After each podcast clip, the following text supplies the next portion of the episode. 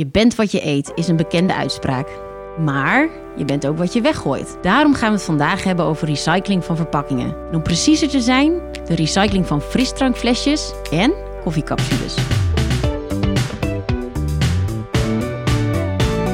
Aan de verpakking van voedingsproducten worden eindeloos veel eisen gesteld. Het moet veilig zijn, de smaak niet aantasten, tegen een stootje kunnen en het liefst ziet het er ook nog een beetje aantrekkelijk uit. Want verpakking is marketing. Maar van die vrij ontworpen verpakkingen belanden er jaarlijks wel miljarden op de vuilnisbelt. Achter en voor de schermen staat de verpakking daarom volop in de spotlights. Het doel is circulariteit. Afval als restproduct dat wacht op hergebruik en op waardering tot hernieuwde grondstof. Zodat je van een flesje weer een flesje, van capsule weer een capsule kan maken. Bedrijven hebben hier een grote verantwoordelijkheid. Echter, zonder de consument lukt het niet. Die speelt een onmisbare rol om de cirkel rond te maken. En daar gaan we het vandaag over hebben. De gast zijn Erik van Houten van Nespresso en Sigrid Verwij van Coca-Cola. Erik is marketingdirecteur bij Nespresso en Sigrid is verantwoordelijk voor onder andere duurzaamheid bij Coca-Cola. Van harte welkom. Nou, straks gaan we samen vijf stellingen bespreken. Uh, maar eerst gewoon eens even iets over het feit dat ik hier met Nespresso en Coca-Cola samen zit. Ja, wat, wat brengt jullie hier bij elkaar? Nou, wat ons bij elkaar brengt is dat uh, we beide wereldwijd bekende merken zijn uh, die hele populaire dranken aanbieden. Uh, maar we zijn ook twee merken die een uitdaging hebben op het gebied van, van verpakking en, en de bewustwording rondom het recyclen van die verpakking bij de consument. En daar voeren we beide campagne voor, uh, zowel Coca-Cola als Nespresso. Dat en ze die capsule en dat flesje inleveren. Correct. Ja, en, en, en deel jij deze, deze visie? Ja, zeker. Ook voor ons als Coca-Cola geldt dat we heel trots zijn op de producten die we verkopen. Maar we krijgen natuurlijk veel vragen over onze plastic verpakkingen. En daar spelen ook zeker grote vraagstukken. Dus het is, uh, we werken daar heel hard aan om die verpakkingen te verduurzamen. Maar daar is het heel belangrijk om dat ook uit te leggen. En uh, daarom is het ook heel goed dat we hier vandaag, denk ik, daar samen uh, de handen over op inslaan. Ja, dus, dus als het gaat om duurzaamheid, dan valt de concurrentie een beetje weg. Dan kun je, of, of bestaat er nog wel gezonde concurrentie? Er is altijd denk ik wel een gezonde mate van concurrentie. Maar je kunt elkaar ook heel veel van elkaar leren. En je kunt elkaar ook wel inspireren. Ja, dus af en toe delen jullie eventjes, uh, wat, wisselen jullie wat complimentjes uit als de ander. Uh... Precies. Ja, ja. Ik denk dat er eerder concurrentie is uh, om te zien wie er de beste campagne kan maken om de bewustwording te vergroten.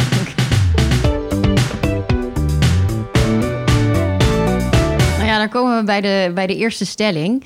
Recyclen is al heel gewoon, of niet?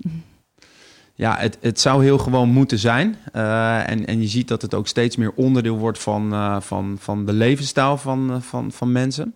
Um, maar wat we ook zien is dat die bewustwording rondom recycling uh, ja, daar kan nog heel veel aan gedaan worden om, om nog meer bekend te maken bij consumenten wat, uh, wat recycling is, wat er gebeurt met, met de gerecyclede verpakkingen uh, en hoe makkelijk het is om te recyclen.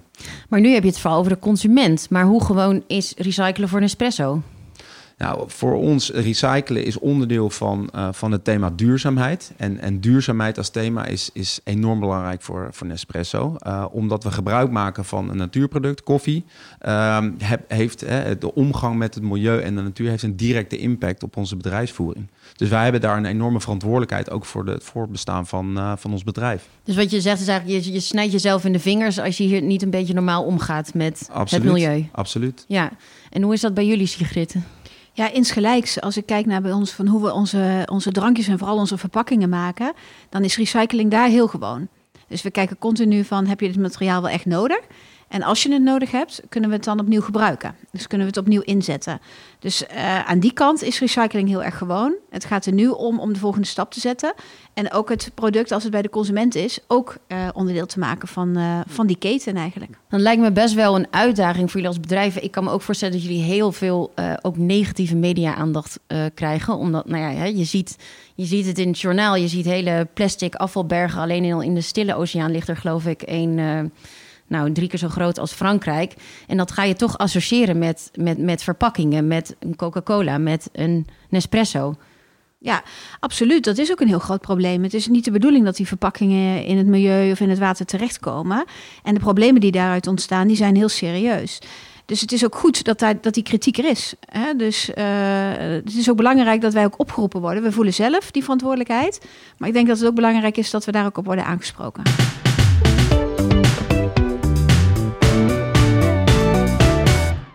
Daarmee kom ik bij de tweede stelling. Plastic is nog steeds fantastic en aluminium is het nieuwe goud. Erik. Ja, aluminium uh, behoudt net als goud zijn waarde. Uh, dus dat is een. Uh, omdat aluminium oneindig recyclebaar is. Op het moment dat je een capsule recycelt, krijg je daar een grondstof voor terug. die je 100% op dezelfde wijze weer kunt vormen naar een andere verpakking. Bijvoorbeeld een nieuwe capsule. Maar ja, waarom kies je dan voor aluminium voor koffie? Dan kan je toch ook iets anders voor kiezen? Een ander materiaal. Dat aluminium moet je ook bijvoorbeeld weer winnen. Nou, op dit moment is aluminium uh, het beste materiaal om de kwaliteit van onze koffie uh, te kunnen waarborgen. He, dus als je kijkt naar, uh, naar koffie, ehm, dan is eh, licht, lucht en vocht. Dat zijn eigenlijk de, de vijanden van, van koffie. Omdat op het moment dat je die toelaat tot die koffie, dan verlies je de smaak en de aroma. En, en aluminium is uitstekend als materiaal om, om die kwaliteit te waarborgen in die capsule. Ja, dus aluminium is dan je vriend. Correct, ja. ja. Ja, wat ik, wat ik ook wel interessant vind bij ja, bijvoorbeeld aluminium, dat je zegt van ja, het heeft ook gewoon heel veel voordelen. Hetzelfde geldt voor plastic. wat ik al zei, van het lijkt nu soms bijna staatsvijand 1. Maar ja, het wordt ook gebruikt voor uh, uh, microchips, uh, hartprotheses. voedsel wordt er langer houdbaar door. Het heeft dus ook nog steeds heel veel voordelen. Hoe zit dat bij Coca-Cola? Hoe kijken jullie daarnaar? Ja, nee, dat is, dat is natuurlijk het dilemma. Het heeft een heleboel eigenschappen die maken dat je een product veilig en, uh, en, en uh, hygiënisch en met de juiste kwaliteit bij de consument kan brengen. Dus wat dat betreft, hè, waar je mee begon, plastic is fantastic. Op dat moment, weet je, heeft het die functie. Maar zodra het, in het op de grond belandt, ja, dan is dat fantastische verdwenen. Ja. Dus dat is echt wat we willen voorkomen. Ja. ja, wat ik zo interessant vind ook is, ik had laatst ook een verhaal gelezen over, want iedereen heeft bijvoorbeeld over, ja, waarom zit zo'n komkommer nou, zo'n plastic wikkel, uh, is toch onzin. Maar ja, dan ga je er dus induiken en dan kom je erachter, ja, die komkommer komt uit Spanje, die hoeft daar dus niet in een verwarmde kast te zitten, wat heel veel energie scheelt. Uh, het scheelt zelfs zoveel energie dat het de transportkosten naar Nederland nog kan verantwoorden. En die wikkel houdt het dan vers genoeg. Dus dat lijkt me zo ingewikkeld. Het zit altijd anders dan je denkt. En hoe maak je dat duidelijk naar de consument? Ik denk dat je, dat, het, dat je het hele verhaal moet proberen te blijven vertellen tegen die consument. Welke functie heeft het? Hè? Waarom verkopen we het zo? Ja. En vooral ook, wat doen we er dan vervolgens mee, eh, mee? Dus wij zeggen ook eigenlijk, ja, het lege flesje, hè, dat heeft ook heel veel waarde nog steeds. Het is niet alleen het volle flesje dat waardevol is, maar ook het lege flesje.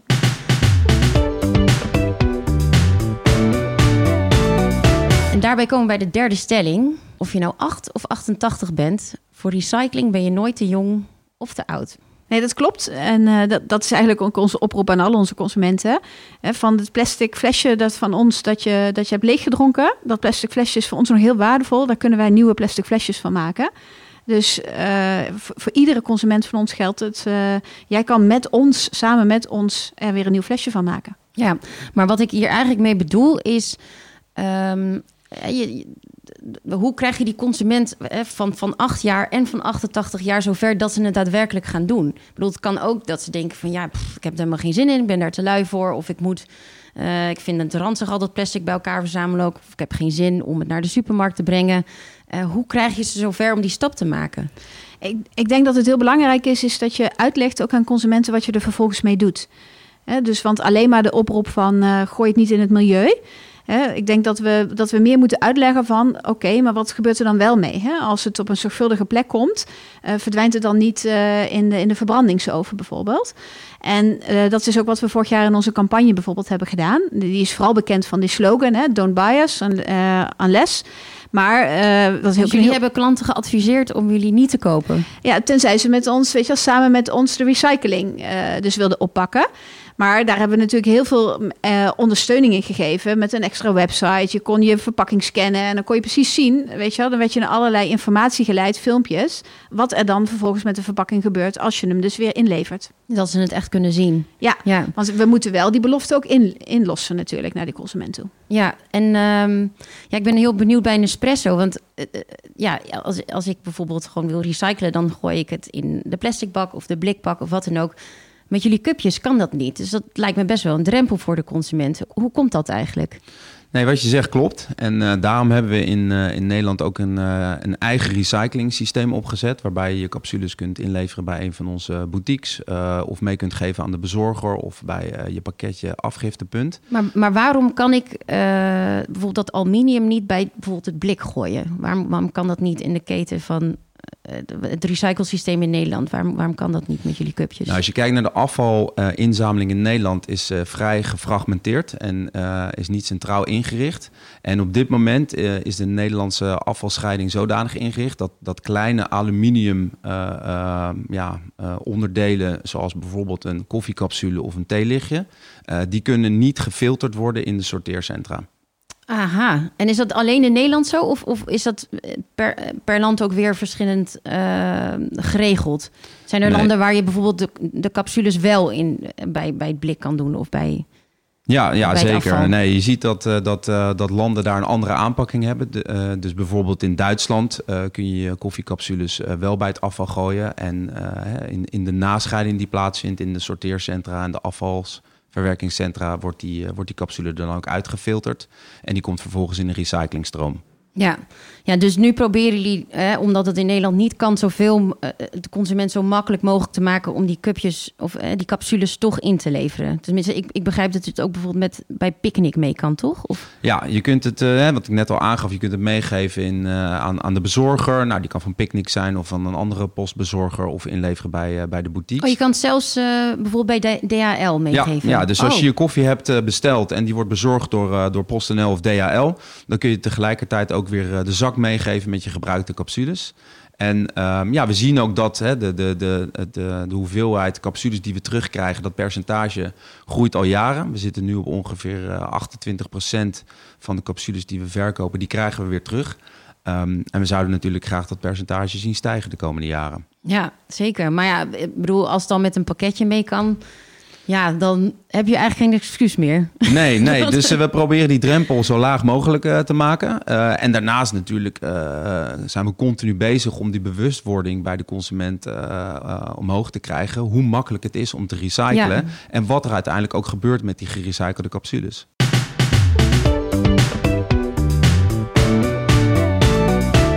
Daarmee komen we inderdaad op de, op de vierde stelling uit.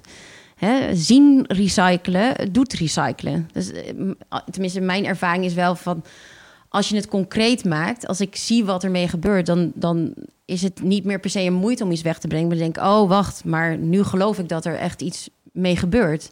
Hoe gaat dat bij Coca-Cola? Nemen jullie consumenten daarin mee? Ja, zeker. We hebben deze week ook aan kunnen kondigen dat, uh, dat uh, vanaf dit jaar en volgend jaar alle uh, plastic flessen die wij in Nederland uh, voor de consument maken, dat die allemaal van uh, 100% gerecycled plastic gemaakt zullen worden. En ik denk dat Dit is een primeurtje. Ja, nou ja, goed, we hebben het een paar dagen geleden bekendgemaakt. En, en ik denk dat dat, dat, dat belangrijk is. Hè? Dat je steeds terugkomt op het onderwerp. En, en dat je dan ook aangeeft van oké, wij maken ook weer de volgende stap. Dus dat het niet een eenmalig weet je wel, moment blijft bij je consument. Nee. Maar dat je het onderdeel maakt van ja, het, het gesprek dat je doorlopend hebt met je consumenten. Maar dit is een enorme stap. Ja, zeker weten. Gefeliciteerd. Ja, dank je. Ja. en uh, en hoe, hoe gaat dat bij jullie? Hoe nemen jullie consumenten mee in, in de tastbaarheid van, van het recyclingproces? Nou, om het tastbaar te maken uh, gaan we onder meer samenwerking aan met andere bedrijven die nieuwe producten maken van, uh, van onze gerecyclede capsules. Uh, dus we hebben bijvoorbeeld een samenwerking gehad met Victorinox voor een zakmes. Uh, met een Zweeds uh, fietsenmerk Philosophy. Uh, om, om, dus je maakt om, fietsen van cupjes? Ja, om te laten zien wat je ermee nou kan, in zo, kan maken. Um, ik weet niet hoeveel cupjes precies, maar ik weet wel dat de fiets in ieder geval van 25% voor 25% bestaat uit onze gerecyclede capsules. Dus dan kan je eerst lekker koffie drinken en daarna... En daarna op de fiets springen. Daarna op de fiets springen. Ja, ja. maar in lijn met wat, uh, waar Coca-Cola uh, um, uh, nu mee, mee bezig is... om 100% van hun flessen te recyclen en daar weer nieuwe flessen van te maken. Ik denk dat circulaire systeem, dat is uiteindelijk ook de ambitie... waar, waar wij als Nespresso naartoe willen. Um, we hebben um, onlangs een capsule geïntroduceerd, de, de Master Origin Colombia die bestaat over 80% uit gerecycled aluminium. En eind volgend jaar hebben we als ambitie om al onze koffiecapsules in ieder geval uit minimaal 80% gerecycled aluminium te maken. En, en, en staat dat dan ook op de capsules, als je het hebt over tastbaarheid voor, voor klanten? Dat ze snappen van wauw, dit, hè, dit, nou, op de capsule zelf zal het uh, waarschijnlijk niet staan, maar, uh, maar wel op de verpakking.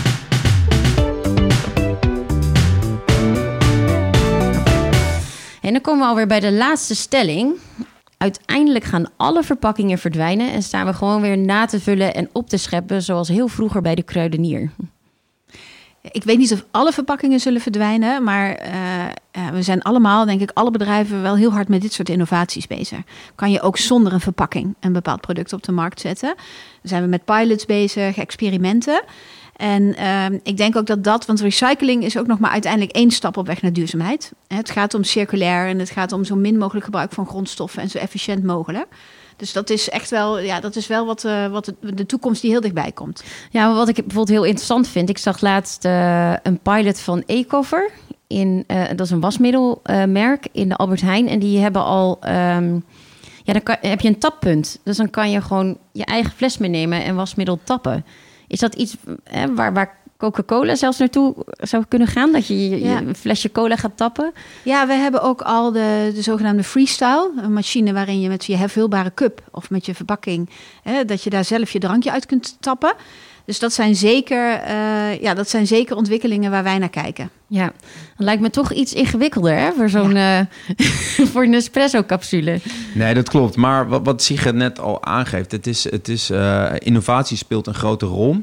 en er is ook niet een, een einddoel. Ik denk dat het een continue reis is waar bedrijven bezig zijn met, met uh, door middel van research and development, uh, productontwikkeling, te kijken naar hè, wat, wat zijn de methodieken van de toekomst om je favoriete kop koffie of uh, glas cola te kunnen blijven drinken. En um, de stappen die er nu worden gemaakt en om die concreet te maken, die te laten zien aan de consument, daar transparant in te zijn, dat is waar we ons nu op richten. En uh, ja, en die reis die is uh, wat mij betreft oneindig. Ja, maar om het even heel concreet te maken, we hebben het nu over een wereld zonder verpakkingen. Zie je dat voor je voor Nespresso? Of heb je zoiets van die capsule is zo hè, van zo belang voor de kwaliteit van dat kopje koffie dat ik dat nu nog niet voor me zie? Um, ja, kijk, wat je net al aangeeft, hè, de capsule is iconisch en, de, en de, er zit zoveel innovatie in die capsule die ervoor zorgt dat jij dus thuis een, hè, een horeca-kwaliteit kop koffie kunt, uh, kunt zetten. Uh, dat, we daar, uh, dat we daar aan vasthouden. Maar de innovatie op het gebied van hè, het inzamelen van het gebruik van aluminium, de soort grondstoffen, hoe we omgaan met de hele sourcing van onze koffie, dat is waar we nog, nog veel stappen kunnen maken. En, en die reis die duurt ook voort. We hebben heel wat geleerd over de oneindige waarde van aluminium en plastic. Erik van Hout en Sigrid Verwij, hartelijk dank voor jullie aanwezigheid. Wil je meer weten over recycling? Ga dan naar nespresso.com slash recycling. En luister naar onze tweede podcast hierover. Met duurzaamheidsinfluencer Jordi Kastelein en koffiekenner Vivianne van Weel.